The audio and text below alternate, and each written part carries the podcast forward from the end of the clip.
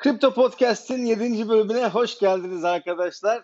Bugün altcoin'ler hakkında biraz sohbet edeceğiz. Aslında e, size altcoin'ler hakkında geçen senelerde yaşadıklarımızı biraz anlatacağım. Altcoin'lerin çeşitlerinden bahsedeceğim. Altcoin'ler hangi protokollerde üretiliyor? Market cap durumları nedir? İşte ne zaman alınır, neden alınır ee, ve alırken de ne tip ne tür riskler vardır? Bu riskleri nasıl azaltırız? Bunları konuşacağız biraz. Ee, öncelikle sizinle altcoin'lerin 2017 sezonundan bahsetmek istiyorum. Altcoin sezon dediğimiz herkesin böyle hırsla beklediği, e, çantalarını altcoin'lerle doldurduğu yıllar boyunca şu anda neredeyse 2 sene oldu. 2018 Ocak ayında e, tekrar bir burhana girmişti. Ama işte 2017 yılında e, bu Bitcoin'in de müthiş yükselişiyle altcoin'lere inanılmaz bir para kaymıştı.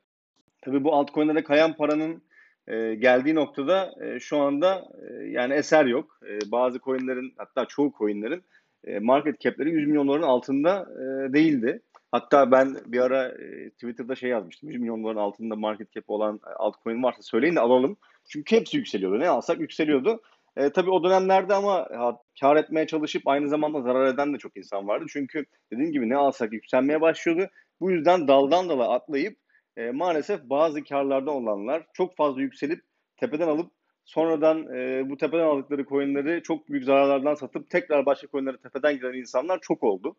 Biz tabii burada birazcık daha küçük bir kesimdeyiz. E, Türkiye'den işte bu altcoin'leri araştıranlar olarak e, genelde yurt dışında da altcoin'ler hani şu anda çok e, rağbet görmüyor.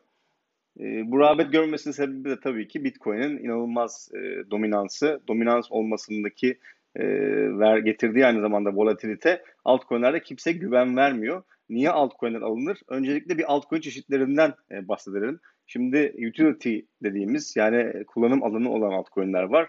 İşte security dediğimiz e, para niyetine geçen, e, yatırım karşılığında işte para kazanma, kazandırmaya çalışan altcoin'ler var. Ve taraftar token'lar var.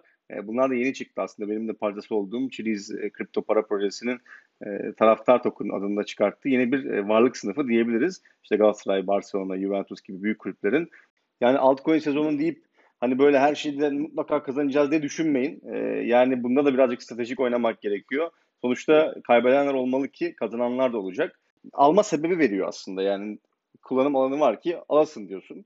E, bu da neden oluyor? Genel olarak taraftarlara kendi kararlarında söz hakkı vermek için çıkarttığı blockchain tabanlı bir kripto para aslında. Bu da aslında biraz utility token'a benziyor. Şimdi utility token dediğimiz zaman e, birkaç tanesi aklımıza gelebilir. İşte neden e, bir kullanım alanı olsun dediğimiz nokta burası. E, kullanım alanı olan tokenların değeri olacağını düşünüyoruz genelde.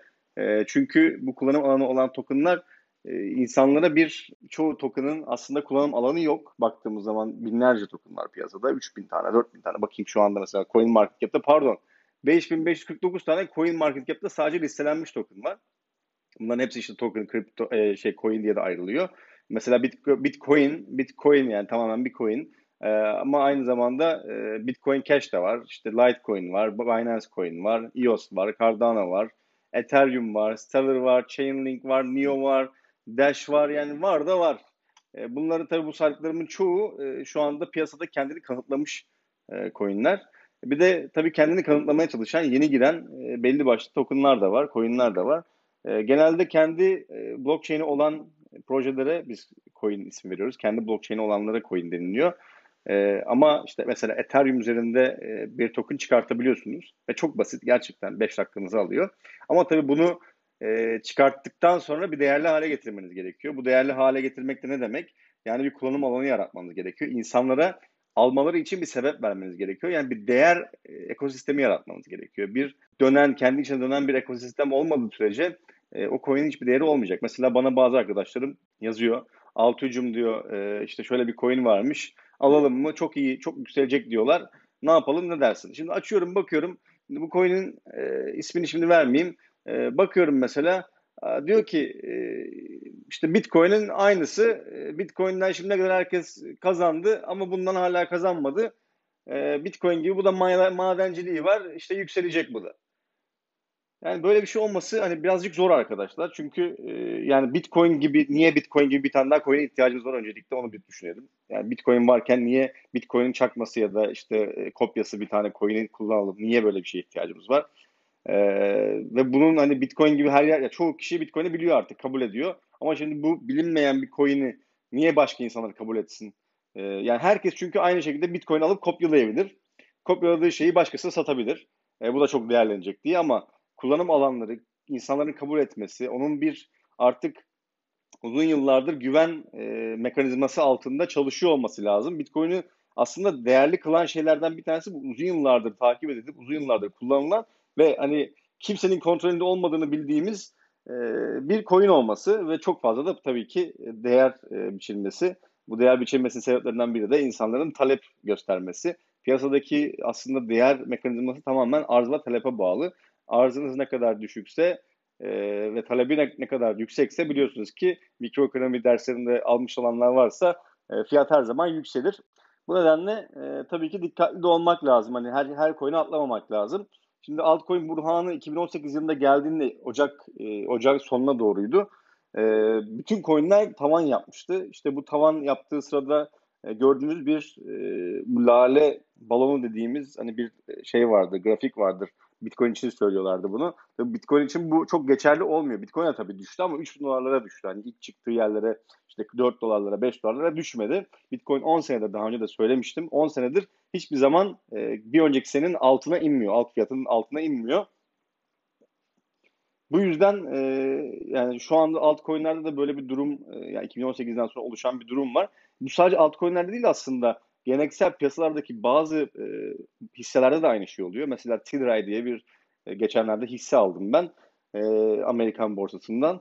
E, bu Tilray'in e, tabii bizim aldığımız yani birazcık da kripto parayla aldığımız böyle ufak tefek e, kendi çapımızda yaptığımız şeyler. Tilray mesela e, 2018 yılında aynı şekilde altcoin'ler gibi e, çok büyük bir düşüş yaşamış. Tabii bu düşüşten sonra da kendiniz hala toparlayamamış dip seviyelerde devam ediyor. Yani balonu yaşamış, balon patlamış e, şu anda tekrar toparlamaya çalışıyor. Bu bir döngüdür arkadaşlar. Döngünün devam etmesi için e, tabii ki projelerin kendilerini kanıtlamaları gerekiyor. Bu döngünün tekrardan yükselişe geçmesi mümkün ama dediğim gibi e, projeler ölü olmaması lazım, çalışıyor olmaları lazım ve bir şekilde devam ediyor olmaları lazım. Gartner'ın da bu teknolojiler hala çalışılmaya devam ederse tekrar yükselişe geçme imkanı olduğunu söylüyorlar. İşte bunu Bitcoin'e, Ethereum'da e, XRP'de görüyoruz. Yani bir önceki tabanın üstünde kalması gerekiyor. E, piyasada ismini duyuran nadir projelerden bir tanesi. Ve şu anda da mesela teknik analize baktığımız zaman düşeni kırmış ve yükseliş trendine geçmiş gibi de duruyor. Tabii ki e, bu yükseliş trendine geçtiğini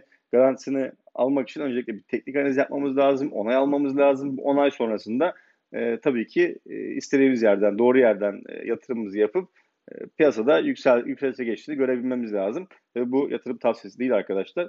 Tamamen sizin bileceğiniz iş. Ben şu anda örnek veriyorum sadece. Yani bunu gördüğünüz kripto paralar varsa ilginizi çekebilir. E, birazcık daha araştırabilirsiniz. Tabi altcoin'ler ne zaman alınır, ne, neden alınır? İşte az önce söylediğim gibi kullanım alanları olması lazım. Ve e, genelde bu düşüş trendini, bahsettiğim o düşüş trendini kırması lazım. Düşüş trendini kırdığını nereden anlarız? Birazcık teknik analize ihtiyaç var, birazcık haberlere ihtiyaç var.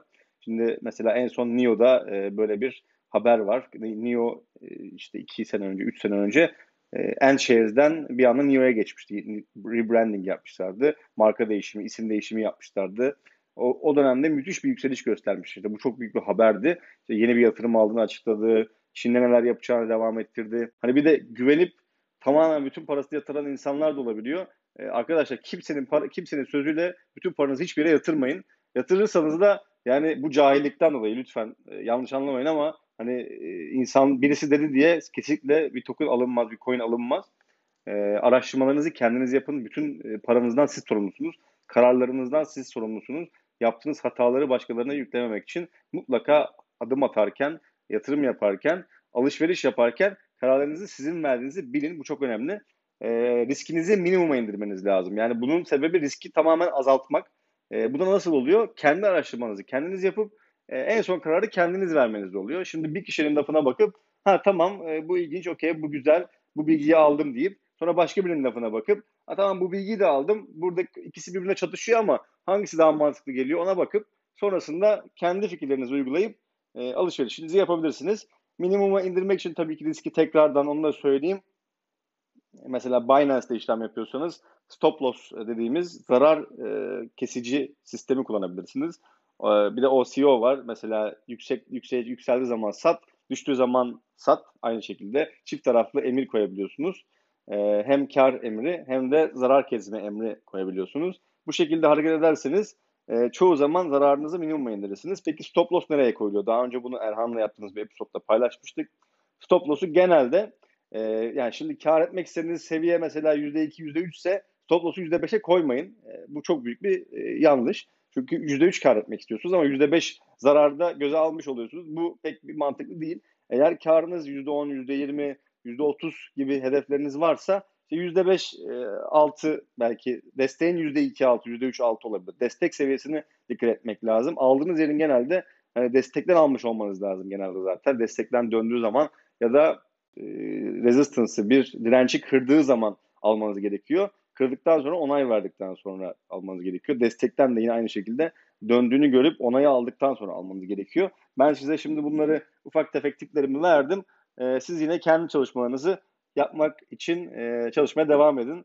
E, mutlaka öğreneceksiniz. E, bu zor bir piyasa değil aslında baktığımızda. E, tamamen e, benim tarzım mesela e, paten dediğimiz bu işte desenleri görmek, işte yükselen e, üçgen, alçalan üçgen, işte e, bu flag, bear flag vesaire gibi. E, bir de mum e, mumlara bakmak, bunların ne anlama geldiğini öğrenmeye çalışmak. Bunlarla başlayıp kendinizi birazcık daha geliştirip ardından bu sektörden ufak ufak paralar kazanmaya başlayabilirsiniz. Kazanmaya başladıktan sonra işte ben çok güzel kazandım, benim bununla ilgili bir şeyim var hatta YouTube'da bulabilirsiniz. XRP'den rekt olmuştum BitMEX borsasında. İşte kazanıp çok gaza gelip birazcık da böyle havalanıp fazla risk almak, gereğinden fazla risk almak e, hiçbir zaman sonucu iyi olmuyor. O yüzden lütfen riskinizi minimuma indirin. E, ayaklarınız yere bassın. E, kazandıkça tabii kendinize güveniniz artacak ama birazcık da dikkatli olmanız lazım. Bu kendinize güveninizi birazcık daha indirmeniz lazım. Riskinizi her zaman her zaman minimumda tutmanız lazım. E, bugünlük benden bu kadar. Kendinize iyi bakın. Görüşmek üzere.